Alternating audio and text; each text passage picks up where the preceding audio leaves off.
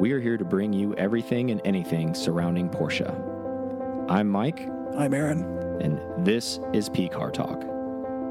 Welcome to another episode of P Car Talk. I am Mike. And I'm Aaron. We are in the studio. Um, we were with Jan Halen at Cafe Racer last episode. If you guys haven't listened to it, go check it out. It's a good episode, right? Yep.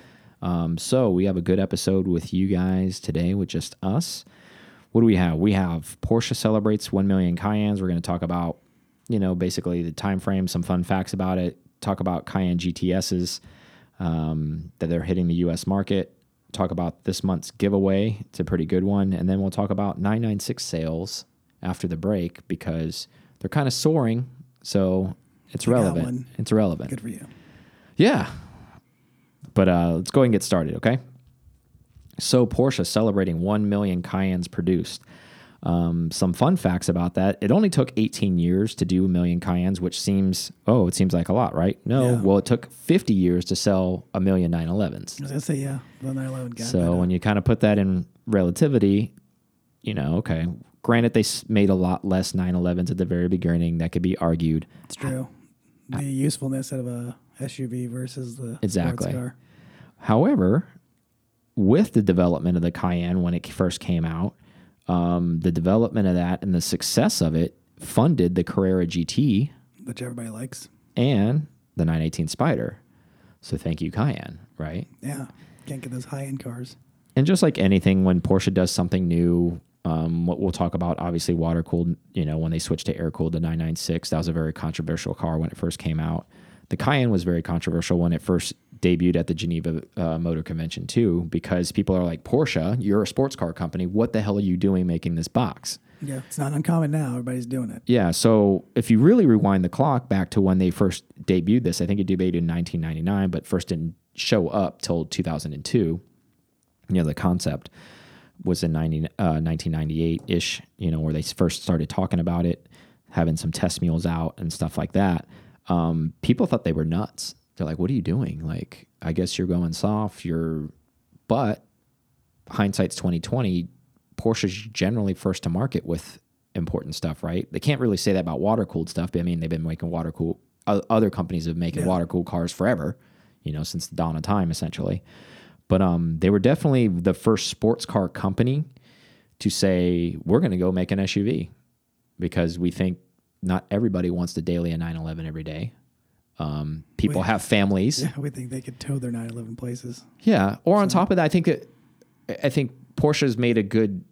I don't know if this was the you know the the cart before the horse like type of deal, but there's an yeah there's a good explanation now. I don't know if this was something they thought of prior to the development of it. I'm sure it is because they're pretty methodical, but they were Mm-hmm. thinking where the stages you are in your life, right? So Porsche has done a lot of data um, research on stuff like this, even back when they were hand jamming and having to figure this stuff out, where their clientele end up in their life. As far as, you know, when you're a young professional, you're probably married, having children, whatever, you have a partner, whatever you're having at that point. As you grow, you know, a two seater sports car is really not feasible, especially when you got to keep somebody else, the other half, happy. Um, and especially if you don't have basically the liquid to do something like that, but you still want to own a Porsche. Well, here comes a Cayenne, right? Now it's a family vehicle. Now you have that excuse. Um, you know, in addition, obviously a Panamera now four door, but this was prior to even the Panamera. So Kept now we have a G wagons down the street. yeah, They're so like, now we have a four door Porsche essentially that you can have. Um, does it do the same thing as a 911? No, but does it do some of the things? Yes, it does do some of the things a 911 does. It doesn't do all of them. Um, but I think that was the mindset behind it. They can explain that now, which is kind of interesting. This is a huge pillar within Porsche's brand as a now, manufacturer now. Um, it's a main staple as part as and I would I know they don't ever want to get rid of the 911 it, but I if you know the they were at the guillotine or something like that and they're like look you got to pick something to move forward. What are you going to pick? Are you going to pick 911 or are you going to pick the the Cayenne? They probably would pick the Cayenne because they just sell a lot more of them they're like our company sustainability is going to be Cayenne if we do that and I'm not making a huge push for them I'm just saying that's from a business perspective that's probably what they would do Even, right if even if they were to go fully electric, they'd be okay.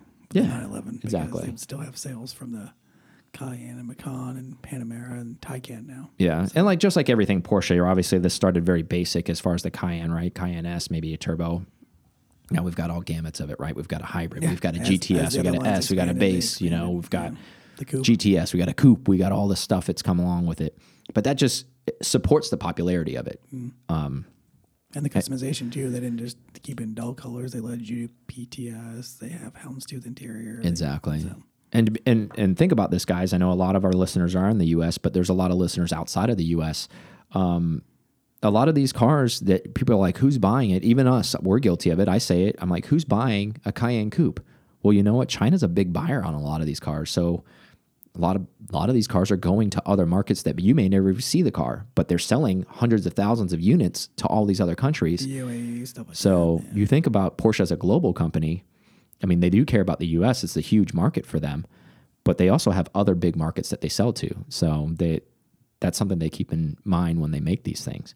Um, what are your thoughts on the Cayenne and the and the, the progression of where it is now um, from where it was at the beginning? Is it Now- gotten now softer? driven- Has it gotten the first gen since yeah? you have one, Since I have one, yeah. and then we drove it all the way back, and then uh, driving the other ones we've we've driven the 19s and the 20s. I like it. I I do feel like it has moved into its own, but it has the adaptable suspension now, where it kind of does for the earlier ones. But I like it. I mean, I really do think it has a place, and it's it's where it should be. It's sporty, but yet comfy, Mm-hmm. And that's what that's what you want out of out of a daily or just a Yeah. crawl or whatever you want to do with it. Yeah, I feel like since the ones we've driven and, and since I daily mine as much as I can, I use it a lot if I'm not mixing in a 911 with it. I feel like the first gen, the chassis is a lot more rigid. Yep, I think that I think they were when they created that it was such a, a teetering moment of whether this is going to work or not work. It needed to be like the 911 because that's that's who their owners were. At least that's who they were. Or shopping them too, shopping right? at, Yeah. Yeah. So if it didn't match that feel or similar to that feel, which the coilovers do, yeah. just fine. I mean that that handles surprisingly well for being what it is. Yeah, for being a, a six and a half thousand pound SUV, we had it in the hills in Tennessee because that's we we picked it up there and drove it back. We were going through 85, 90 miles an hour on the twisties, and the car was flat. You know, and it's an SUV. I would say it has similar Taycan characteristics. If you feel if you feel that you feel you feel the weight Mm-hmm. and, the, and the plainness. Now, you know, a lot of people say, "Oh, well, you know, it shares a lot of DNA with um with the Touareg because it, on it was a joint project on the Yeah. first gen." Um, and there are some facts to that. They did like a lot of electronics, a lot of the stuff like that are similar stuff. Like if, which is nice, down. Which is nice. If you buy a first gen and you want to daily it, you can go and get VW parts for it instead of having to buy Porsche parts. But Porsche got smart when they made the second gen. They changed a lot of that stuff is Porsche specific now. Like you can't buy Touareg stuff. Um, so that's one little, you know, insider's fact if you're ever thinking about buying an, an early one um, and to keep costs down. Um, being a first gen owner, I enjoy it, you know, and Yeah. I enjoy like having to spend a crazy amount just for Porsche only uh, door locks, Porsche only, you know, mechanical light switches or whatever. It's it, it's VW shared, so the cost is down a lot on that. Um, but like again, like anything, like Porsche got smart and they were like, okay, now this is successful. We didn't put all our money into it, and just like everything through the time, uh, Porsche and Vol- Volkswagen have done things together, right? Like 914, for example. You know, they've done other things together. You know, uh, they've done stuff with the Audi group. You know, they built the the S, the first S2 Avant wagon with them. Man. So they do these joint venture products, and I think it's a safe thing for them to do too. So they're not all in on it, right? So like Porsche's uh, Porsche's making an SUV, Volkswagen's making an SUV. They're like, okay, ours is going to be different. Um, I've never driven a Touareg, so I can't say um, what the handling characteristics are. But I'd be really willing to bet It's gonna be with soft. I'd say it'd be softer. with yeah, I was going to say willing to bet the difference between the the first gen Cayenne and the first gen Touareg. First of all, obviously, if you get a Cayenne S, is the V8. Um, I don't think Touareg was ever offered in a V8 in the first gen. the, mm, I think they might have had one, I, th- I think they had a, a V12, but that was later. maybe. But I don't think they had a V8 in their first gen. But I could stand corrected if even if They they. have a, uh, well, didn't they offer have a, um, a V10 twin turbo? That's what I meant. That's what I meant. The v, they have yeah they did have a diesel one, but they also just had a straight V10 that they shared with the Audi group too. that they used. Um, anyways, those cars are I heard are nightmares to own. Either way, where I was going with this before I get sidetracked, and I want to say it, I think the handling characteristics of Porsche, and not because we're just a Porsche podcast, I'd be willing to bet that it handles a lot more rigid and handles more like a Porsche as opposed to the Volkswagen handles more like a Volkswagen. And that's all up to suspension components, um, the way the chassis is laid out, yeah, the aero on it, um, ride height, where the engine's located in the chassis.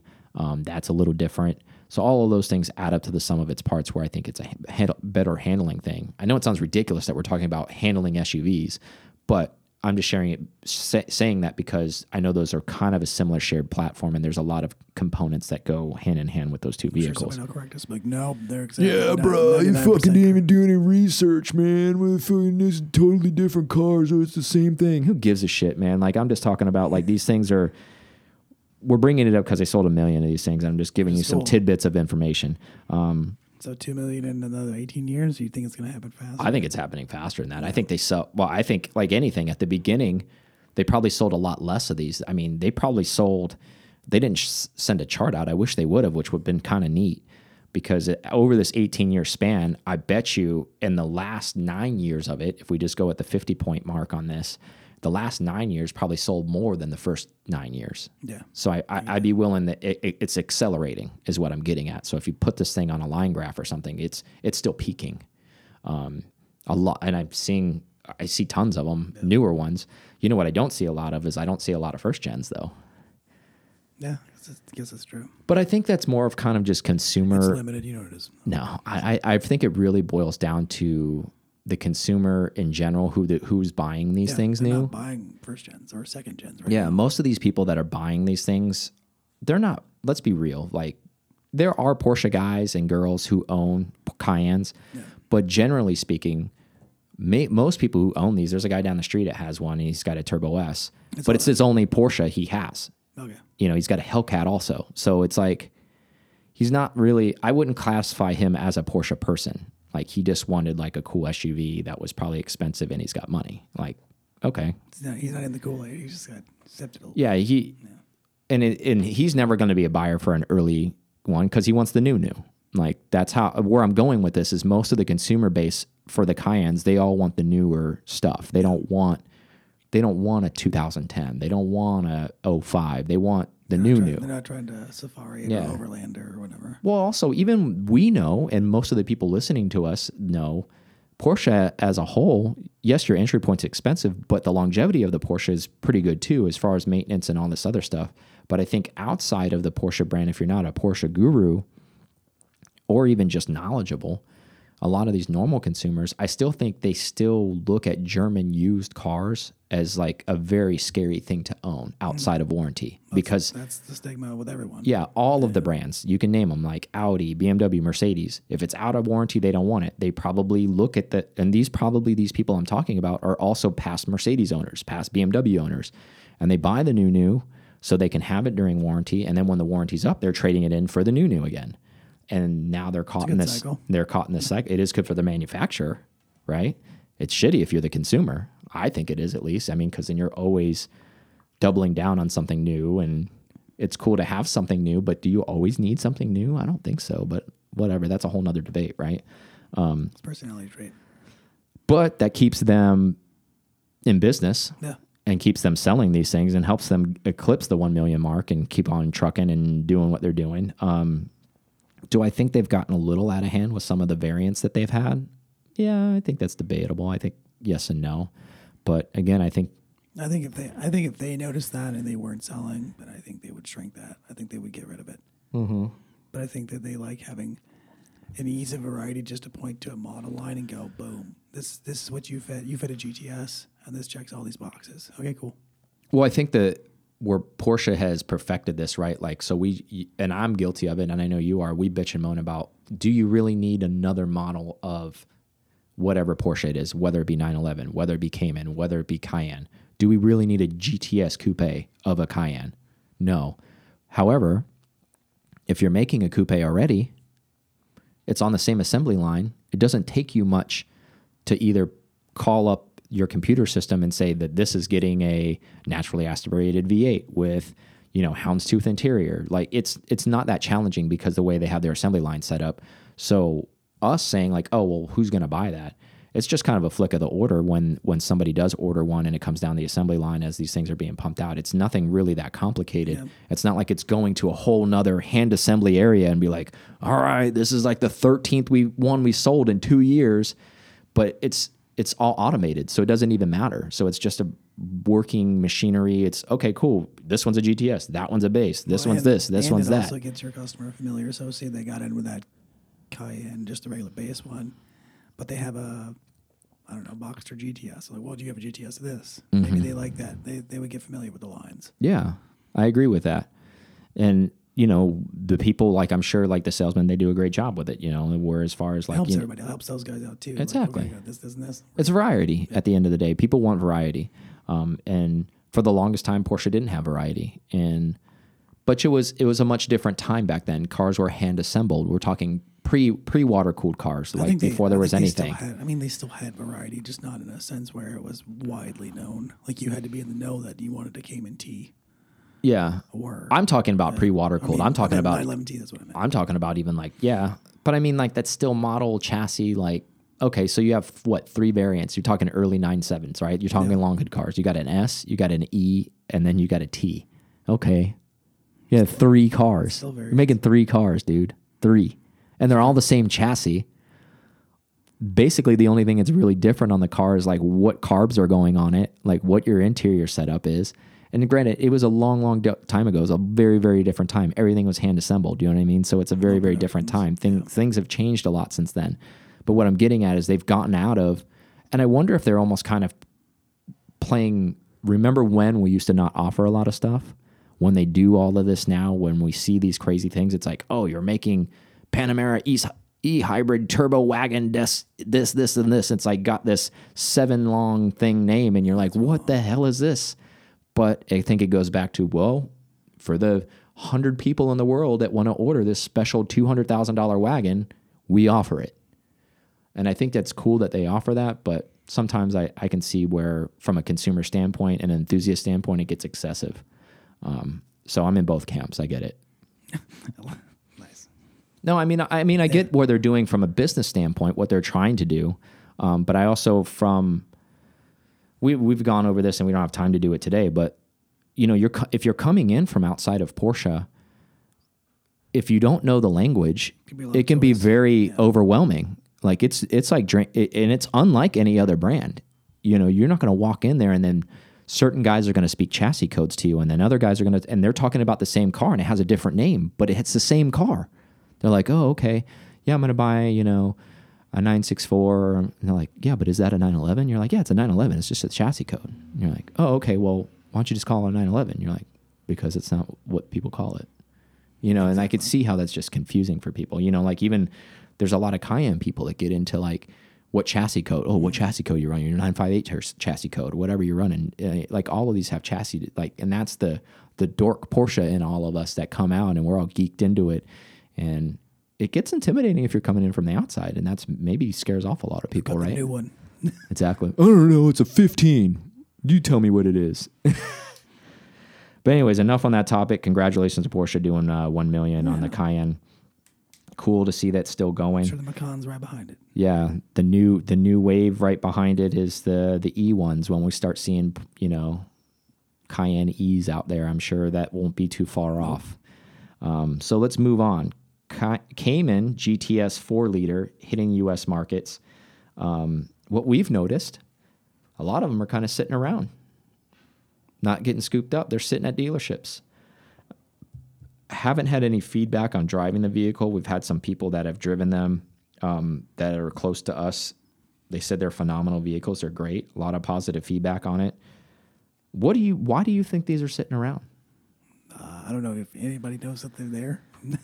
I mean, maybe Does this not- go back to like too much stuff in the in the Porsche market to like I delineate I what's bet you what? That a lot of them don't realize it's a four liter in there. They think it's just they don't think it. They don't know that it's, it's a derivative of what the cool kids have, the GT4s and the. So you're you're basically are we are you saying it's being chalked up to the non-enthusiast buyer not realizing what this vehicle is. Yeah. As Or the- opposed to like because an enthusiast buyer knows what it is. Like we don't even need to discuss that. They know. If you're an enthusiast, you really do know what that car is.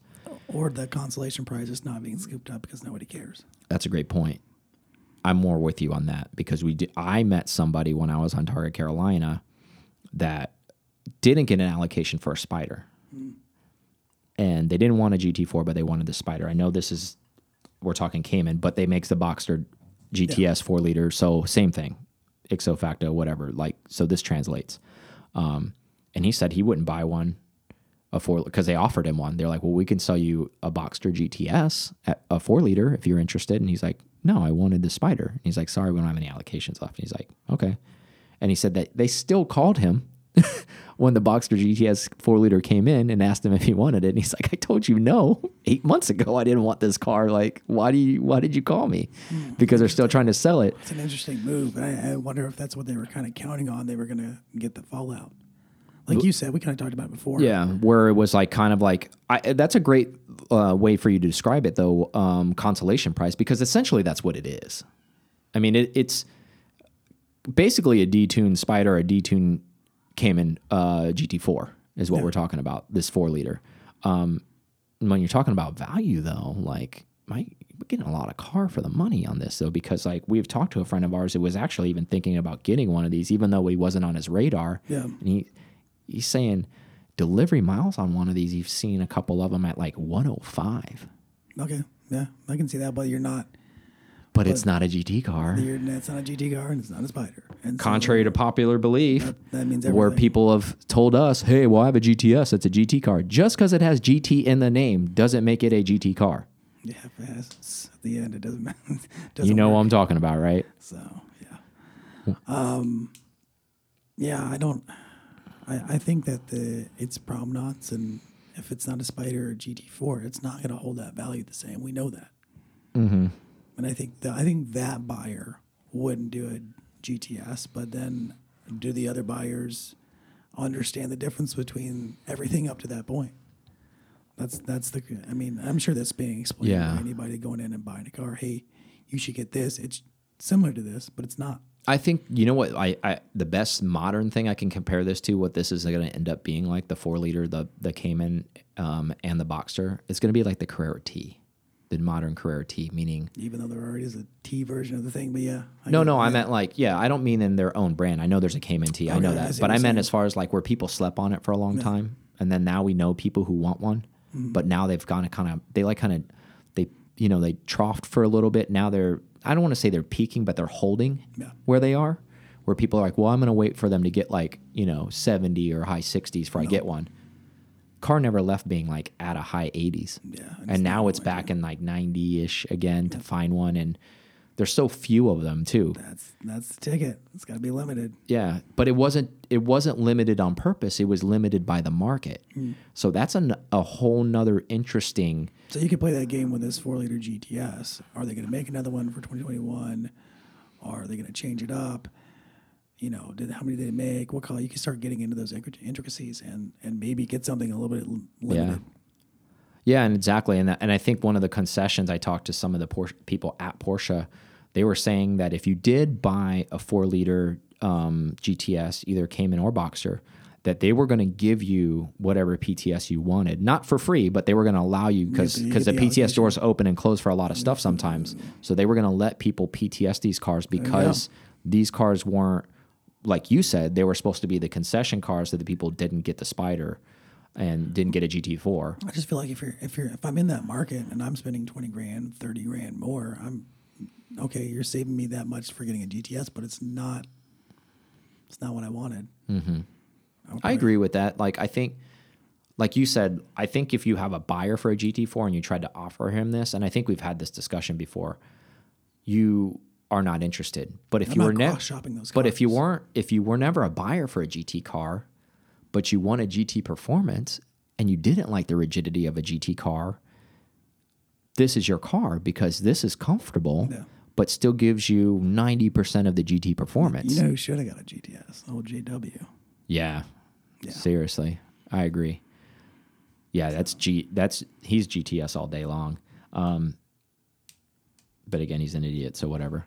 um, I think this is going to end up Carrera T-ish, and and and you know, I know there's like I said, I know there's a Cayman T already, but I what I mean by is from low volume, not because Porsche wants to, they want to sell as many as they can, but I mean low, volume, because the market's market, not yeah. interested in it, and then just like everything Porsche, five six years goes by, not maybe not even that long, maybe a couple years out of this thing where it's they're not making them anymore. Maybe this is a one or two year run only because there's no interest from the market, and now everybody's like, well, I want the four liter one now because now it's a sub 100 car, but it's GTS love, and I can get a drop top Boxster. which is still in between. And doesn't that? Uh, I'm pretty sure I've seen this. Uh, uh, doesn't it outperform the the 981 GT4, the GTS? I thought it That I don't know. I can't. I can't back you up on that because I didn't see. I haven't read anything on that. For some reason, but I think I think that's. a I know it's. stat. I So know it's that in close. I know it's close. If So- it's, so, if you're shopping that car, would you just go buy a, a 981 GT4? Does it leave too much to be? I think it depends on your ego. Is what I think it really boils down to because we already know we know tons of people and I'm guilty of it too. We all want to chase GT cars. Yep. Because they have the GT sexy name. They're mm-hmm. It's part of the GT club. You can do all these special GT events with it and all this other stuff. And I'm not making fun of it because I'm part of that part of that camp. No, we're in the camp. But I'm making fun of myself in the sense of it, thinking like that you have to have one. But there are so many great cars in the Porsche lineup, i.e., Porsche Turbo used to be the pinnacle before GT cars existed. Everybody used to aspire to own a turbo, turbo back in the day. I'm talking even pre water cooled. I'm talking about everybody wanted a 930 turbo, everybody wanted a 964 turbo, everybody wanted a 993 turbo. Those were the cars, those were the king of the Porsche lineup then, you know, and then enter water cooled era and then GT cars are introduced, right? So I think it's just where we are in society and where we are in the Porsche timeline right now. The the GT car is a sexy car. It has a lot of mystique behind it, uh, and rightfully so. They're spo- they're special cars. But what I want to remind everybody is there's a lot of great cars still within Porsche's lineup that aren't just GT cars, i.e., this one right here, GTS 4.4.0 Cayman and Boxster. Those are special cars. Even though I don't even been in it, but I've seen reviews. I've seen people that have driven them that, like I said, that are close to us, and they say that this is a very special car, and I believe them. Um, just like the Carrera T, very special car that didn't get a lot of notice or love outside of the enthusiasts knowing what it is, but even basic Porsche people that claim to be Porsche people don't even know what a Carrera T is. Um, and then you know, not to mention obviously the turbo's still there, you know, and even like a a 997 GTS, 991 uh, Carrera 911 GTS. Those are special cars. They're fast cars, but it's not a GT3. I so don't see it's very many of them either. and I think it's I think it's because it's that stopgap, right? Like it's a very specific individual who wants that car because you have people in the GT3 camp or in the you know who want that car and they're it's GT3 or bust. And then you have people that are like, "Oh, I'm good with a standard Carrera." So then you're trying to incrementally get the standard Carrera guy up to the GTS level because he's like never interested in tracking the car, but he always wants to have a nice Porsche that's fast. So you got to get him out of the base and get him all the way past S and up to GTS. Yeah, what a what a salesman's job. yeah. I mean, think about that. So. So I mean, like that's basically the customer base because we're so deep in it. We know how this the, the you know somebody usually doesn't just walk in, never owned a Porsche ever, and land on a GTS. It's either home run, balls out GT3 or Turbo S, hardcore because you want to flex and you got money and you want to go big and you want to get all this stuff and you being sold by the salesman that you got a lot of residual value and all that kind of stuff like that. Or you get somebody who's like, well, let me just test the waters. I'll just get the base car, maybe a Carrera S, and we'll go from there and see how things go. And then it's usually how how it starts. And then you're bitten, and then something happens, you know, and then you turn into this monster who's got like five or six Porsches. Yeah, So they got you. Yep.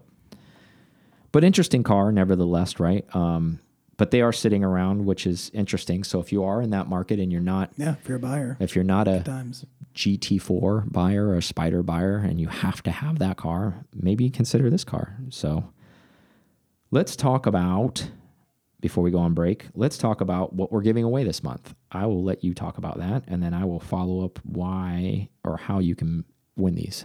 So what we're giving away, since we like to go to the Rolex 24 hour at Daytona, Arguably, probably the best race of the year. It Yeah. starts at the beginning of the year. it is a great time. Lots of things. Even I think even with with their uh, current times, things still make still be a great time. So what we're doing is we're going to give away two four day Rolex 24 passes, the wristbands, and um, I think it's I don't know if it's infield or outside. It's parking. I think it's infield parking. I think it's parking of some of still parking. Yeah, it's free And- parking. And believe me, it's expensive. it was it was a bear. Yeah, So we got we got that. it's all Um, sorted for you when you win this package. So we got uh, so those two passes and parking. That's what we're giving away. Yeah. That's December's club membership giveaway. Yeah, and that's a four day pass. Um, so in order to win that, you need to be a PCAR club member. And I know you guys probably hear us harping on that, but let me just kind of go into the depths of that a little bit. Um, we're not supported by any type of sponsorship. I'm sure that you guys haven't heard any rollout or anything like that. And if we do, it's very rare and occasional that sometimes that we'll spout something out and give somebody a shout out because there's some type of trade that we've worked out or something of that nature. However, so where I'm going with this is most of the stuff that supports this show is club membership based. So if you want to help support us and keep us alive and help us go to these events and keep reporting and speaking to cool people and because we have to meet a lot of these people in person and in order to do a lot of that stuff, your sponsorship is basically the club membership. And you can become a club member on the PCAR Talk website. Um, and it would help us out a lot if you would consider it. It would be a great Christmas present to yourself or somebody else that you may know. Um, so we're just making the plea to say, hey, not only is it a cool thing and we give you things as a PCAR Club member, you're not just giving us money. We try to give you stuff back as well, right? You get T-shirts. Um, there's a monthly giveaway in addition to that um, that Aaron just described. That this month's is tickets that we're giving away, but usually it's some type of awesome Porsche item that we're giving you guys, and you're also helping us. So that's what it really boils down to, right? Like you're helping us with travel, you're helping us with equipment, um, you're helping us meet other people to bring you content that you continuously listen to on a weekly basis that you enjoy, um, without some like monster, you know, franchise coming in and sponsoring us because we don't have that support. So you guys are our support. So please show us some support and uh, consider becoming a Car Club member, right? Yep. And you can do it on Instagram too. It's like one click. Yep. Let's take a break and then we'll come back and talk about 996 stuff. Yeah. Thank you guys listening to PCAR Talk so much. Uh, we appreciate you guys so, so, so much. I can't say that enough. Check us out on YouTube. Um, we release videos on Mondays, Thursdays, and Fridays. Um, help support the channel. Um, everything we're doing is trying to bring the community closer together. We definitely appreciate that. Also, when you go on to YouTube, um, you know, if you could subscribe, maybe pass it along, make a comment, we really appreciate that. Um, again, circling back to pcartalk.com, um, there is a newsletter created on there. Uh, please put your information in there. That way, we can keep you up to date on anything that's coming forward and anything that we're going to be doing uh, moving forward and all the exciting things that are coming out. Now, back to the show.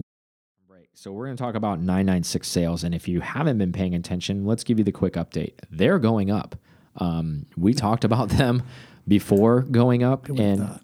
and I know there's a lot of people on one side of the fence, and the camps are pretty strong about this. A lot of people that are owners of 996s are feel like they're outcasts.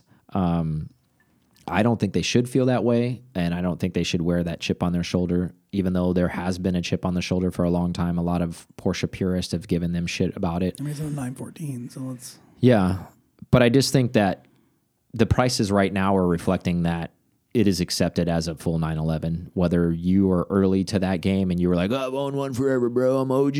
Okay, whatever. Like, don't wear the chip on the shoulder anymore. You're, it, it is what it is. But anyways, the point of this is a Carrera 2, uh, early car, even possibly Aero kit, not crazy mileage, just decent mileage, like no accidents, well maintained, whatever. Even you, yeah, IMS are you know fixed or not, doesn't matter. Yeah. Um, you could pick one up probably. What to say, like twelve to eighteen months ago, in the teens. That's fair to say, right? Because you and I were talking about Yeah. that, and I was thinking about you know another 18. another 911 at All that day. point before I bought the ones that I have now. I was like, well, bad maybe I'll get one of these.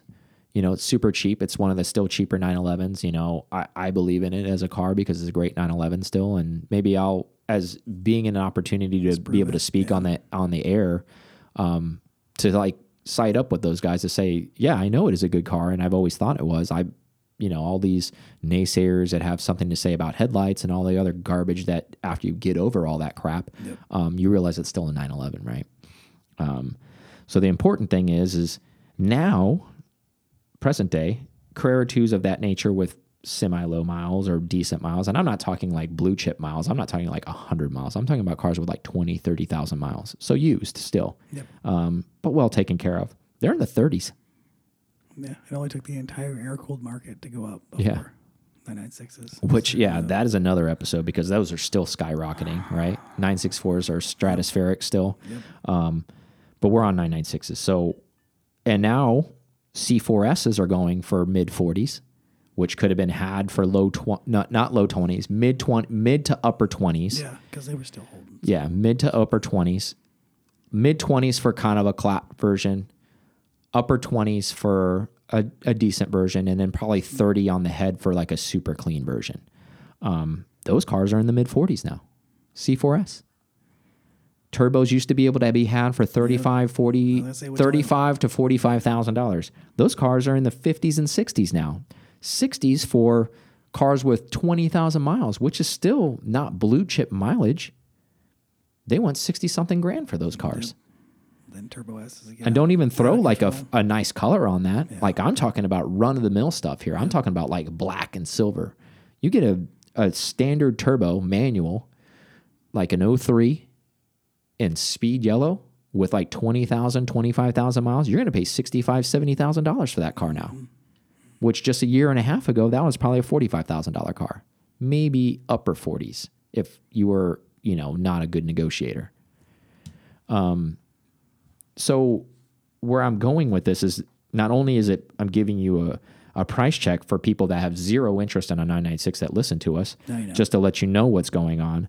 I want to ask you, um, what do you think's happening here with this?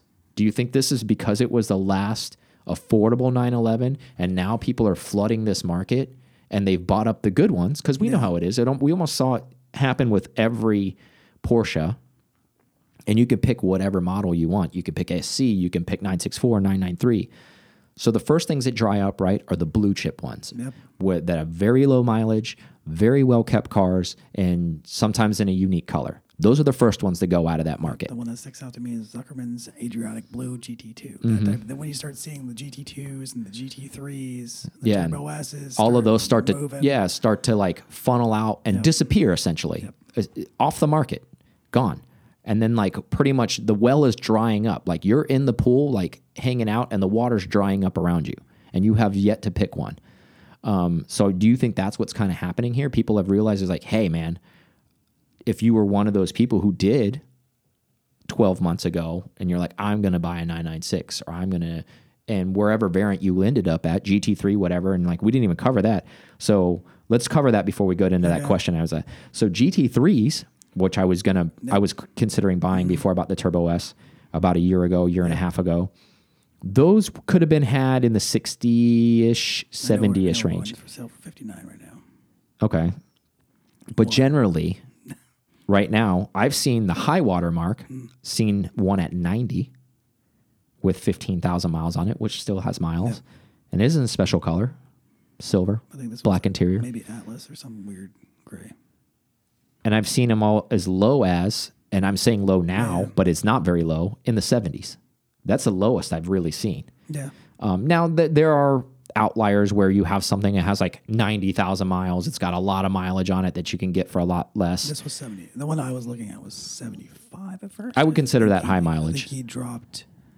What I meant price wise, it was Oh, okay. 75. Mileage, I think, was in the 50s. Okay, that's not bad. I mean, it's used, but you know, it's thoroughly used. Dropped to 59. But isn't I'm like, mm. you know, this isn't. But I'm I'm talking these cars probably Yeah. 20, 30,000 miles, seventy to eighty to ninety all day long. Where these cars could have been had for fifty to sixty five, probably about a year and a half ago. So. Circling back, I didn't mean to leave. I didn't mean to leave that car out. Yeah, I didn't mean to leave that car out. But we talked about the turbos. I don't want to get into turbo S's and GT GT2s because those are oh, high level stuff and they're very low number cars anyways. And so are the GT3s. Don't get me wrong; those are low. All those buyers. Yeah, those are all low number cars as well. But I just want to talk about the meat and the potatoes of it. Why do you think those are going up so much? Because they made a ton of these. It's not like it's for a rarity factor. I mean, they made a shit ton of C2s. They made a shit ton of C4s. They made a so. shit ton of turbos. I think some people are just starting there. That's that first gen water cooled, and I think some people are like, okay, this is the first thing. Let me get let me get let me get a little bit of this and see if anybody see if it actually does go up because it is unique. It's got mm-hmm. different headlights. It's got this. Yeah. Maybe to be So do you think like vintagey cool. yeah, the the ugly headlight thing is now becoming more of a niche thing because Porsche's never going to do that again. And because it got so much fallout at the time, but do you think it's and we've talked about this before and I know it sounds redundant if you're an avid listener, but we're going to cover it again. Do you think it's kind of the slant nose effect Yeah. where they're like, well, they're probably not going to really ever do this again. yeah. And then You know, now, barring the brand new GT2 slash 935, whatever special car they made, don't that doesn't count. for the 70th anniversary, yeah, nobody Yeah. saw that coming. Yeah. but do you think that headlight now is maybe almost a signature thing that makes that car a little bit more special and sets it apart as opposed to the people that it basically break down 911s for Yeah. all looking the same? Well, they all look the same. I don't know that it really, uh, in my mind, what I went to is like outvaluing something. I don't know it's going to outvalue any any of the other 911s, but I definitely think it's going to take that camp that likes that uniqueness. And, but it'll, I mean, it'll definitely still, I think, go up from here. Mm-hmm. Just because it's a 911 and people are finally realizing Yeah, I don't think we're at the peak. I think we're on the elevator right now. that that's what it is. which is the crazy thing is, is because some of these prices that I said are, are kind of ridiculous. But mark my words on the date. This is December, closing out 2020. C4s are in the mid 20s, turbos in the 60s and 50s. Um, you can get a clapped out turbo for a lot less, but I'm talking about a decent one where And it's like, not like yeah, beat the yeah. shit. Um, C2s in the 30s, you know, maybe upper 20s. Um, it'll be interesting to see where the hell these things end up at. And like we just said, they were in the 18s, they were in the 20s, Yeah. they were all, they were always, And they're still on the go. half half of what they were. Yeah. And it's going to be like any other brand name thing. and all the good stuff's dried up. Either you pay the price for the good stuff, what they're asking, or you just don't get it. Almost mm-hmm. kind of like where people are like, I'll never buy a 964 for that price. The other, the other thing I think that's finally sorted out, and, and I think the the IMS, RMS, I think all those people finally like, okay, it has an issue, fine, change clutch, get Mm-hmm. the IMS done, get the rear main seal done. Yeah, peace of mind done, There's en- right? There's enough thing. I think there's enough product out there that's been tested and tried that, where that's that's a done deal now. Yeah, where they're still not like people as the boogeyman not forum used to say, where they're just anymore. grenading left and right. Yeah. yeah, that's. I mean, you still have an I, you have an I, the original IMS in your car. I mean, it's not a 996, but Yeah. you ever you're not worried about it. I mean, Change the oil. yeah, It's crazy. but I think people have finally woken up and gotten over themselves and realized that this is a good sports car still. Yeah. And honestly, and I know there's many, many big people that have bought cars ahead of us um, that have even talked about it way ahead of us. Even when we were talking about it a year ago about telling people to buy 996s while they could. Um, that I think that's part of the influence as well because I think things travel well on social media and they're seeing like, Well, well, if that car is good, okay. yeah, that car's good enough for that guy, and he's super cool, and he's like a vintage Porsche guy, and he's got all that stuff, and he's got a Yeah. 996. I guess it's okay for me to 996. Almost kind of that the cool kids thing. It's like, oh, you know, if you're at high school and that kid's wearing funky shoes, but the cool kid is wearing the funky shoes, now they're cool. Yeah. But if the dorky kid was wearing the funky shoes, everybody make fun of him. So I think it's one of those effects. Um, but I think the product proves itself. Like once you get over what's cool and what's not cool, and you actually drive one of these things, and you realize you're like, I don't give a shit what anybody thinks because this thing performs like it's supposed to. It's a Porsche. It's a 911. Oh yeah, by the way, if you've ever owned an air cooled, and if you haven't, and you own a 996, and you're curious, AC does suck ass in the 911 uh, air cooled because I have you know two of them, and one doesn't even have AC. Yeah, that's true. Or But- radio or anything. Yeah, but that's by choice. But anyway, so the point is, is there are some benefits to have a more modern 911. Yeah, you see, you see. I know when it's a hot day. I know what Mike's driving. There's no, no doubt. There's no doubt if it's a hot day or if it's a. Yeah, Yeah, just a stifling non-movement day. Unless it's a really, really early day, you're probably not going to see Mike in an air cooled that day. Now he's got the choice. He didn't know about this life. Yeah, and I think uh, that for the Carrera 2, the this the the one really outstanding feature I think in that car, if if you are a vintage Porsche guy and you happen to own some air cooled, um, and if you're not and you're just knowledgeable, I think that car, and we've talked about this before as well, but I'll I'll bring it up again. That car comes in under three thousand pounds, so it's a 300 horsepower Porsche 911 Yep. With good power. working Yeah. AC that weighs 2,900 pounds and it's two wheel drive and you could have picked them up for eighteen, nineteen thousand dollars. Now, you know they're more expensive than that now, but even still, if you get a nice one in a good color and an aero kit or whatever you get, and an early one, and you're still in the high twenties, I still think that's a good deal because you're still getting a hell of a lot of car um, for that price range. And to price shop this prime example, S2000s are very coveted now because they stopped making them for a while, just like anything. They're rear wheel drive Honda, which Honda's Honda guys never get that, and they finally had a car that did that. Um, it's a Six, inline. six. It's an inline four, which is different from most of their cars. Um, and it's about 247 horsepower ish. You know, granted it revs to 9,000. It's a four cylinder. Um, and those cars right now, you go get a blue chip one of those. I mean, you again, you can go get a clapped out one that some guys like put some funky wing and all this other jazz and shit on it um, for a lot cheaper. But I mean, like a nice one that's been like well taken care of. I mean, those are going for like twenty six, twenty seven thousand dollars. So, would you rather have a 911 or would you rather have a, uh, a S2000 for the same price? And the Porsche has more power, and they weigh about the same It's true. Because S2000 weighs about 2,900 pounds. Yes, it's not a convertible like the S2000, but who gives a shit about that? This is a coupe. Yeah. Um, not gonna get the weight down with that. So I'm not trying to make a plea for this, So and Porsche's not paying. Yeah, cross-shopping S2000s and 911s. You should get a 911. I would. I mean, granted, I'm Porsche biased. Yeah. Um, however, I don't know, make sure if you're if you look at what you're getting too for the price point of what those cars both were new, you're still well below the MSRP of what that Porsche was when it was new. Yeah, was And that's what you that's generally what you want to you don't want to be paying MSRP this far along. But I mean, you say that, but look at the older all the other like right now what uh 964 is going for. It's going above MSRP now. Yep, 993 going above MSRP what it was. You know, 930s above MSRP. All of these cars are above MSRP now. You don't want to be buying on that backside if you don't have to. Like sometimes you don't have a choice, just depending on where you're born and time in life and all that other stuff. However, this is an opportunity to still buy below MSRP. Do I ever think these cars are going to be, you know, eighty, ninety thousand dollars? No, I don't think that. I don't. But to be fair, to play devil's advocate here for a second, people thought the same thing about the 964. They're like, they'll never surpass 993 stuff. Never. There's no there. It'll be a cold day in hell before that happens. I heard guys say that kind of crap all the time. Most of them are the 993 faithful.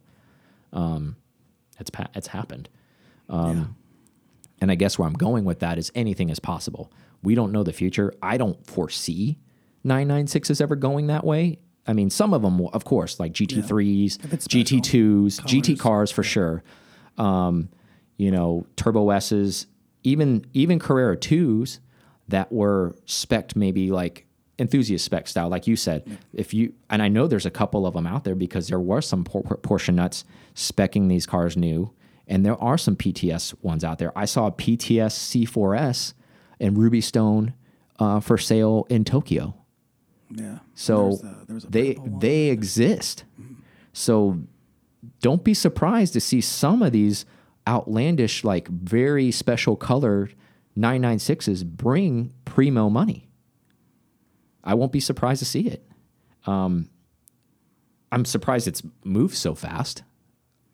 I didn't expect it to be where it's at now because you think about where But it's kind of slacked. the- But then it also is kind of slacked and taking taking its time to get there too. Because as much as the market moved in 2012 until this point, the 996s haven't really done anything. So it's yeah. So you think it's playing just fast catch up, basically? yeah, it's just now decided to. Oh, hey, everybody else is moving on up. Let's. And I also think it's circumstantial, right? Like I think it's it goes back to the drying up pool analogy I was using, and not even just within within 996. I think within Porsche, like if you want a 911, there isn't really an there really is an affordable one Yeah. available anymore. That's not just beat the shit essentially. Like granted, there's always affordable 911s, whether or not you want them is a different debate. Yeah. Mean, maybe you want to get one Um, you know- a shell and get the motor and all that. Do all that Exactly, stuff. and build one, and you know, there's people who's like, "Well, I found this one. It's got like 180,000 miles on it." It's like, do you really want that one though? Like, Yes, it's been driven. If it has good maintenance, I guess the the, the caveat Yeah. would be this: if does it have good maintenance? If it has good least have- At maintenance, have a top end somewhere in there. yeah. Long, if it has good maintenance, okay. Yeah. They're fine if you have good maintenance. But if you have sketch maintenance, you're like, yeah, nobody's been keeping track for 12 years. Well, then you don't want that car. Of course, there's a reason why it's only 15 grand because you are literally rolling the dice. You're at the craps table right now. They might not even make it home.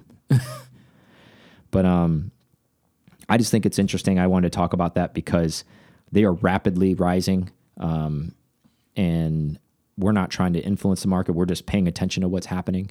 Um, I'm seeing stuff. If you follow those guys, First Flat Six, they report on it pretty often, and uh, just some of the stuff that they post sometimes when you see, and they're not posting things like what people are asking. They're Sold showing prices, sold yeah. numbers, actual cars sold, and some of them are just mind blowing. Sometimes where you're just like, "Holy crap! Did that just happen?" Yeah.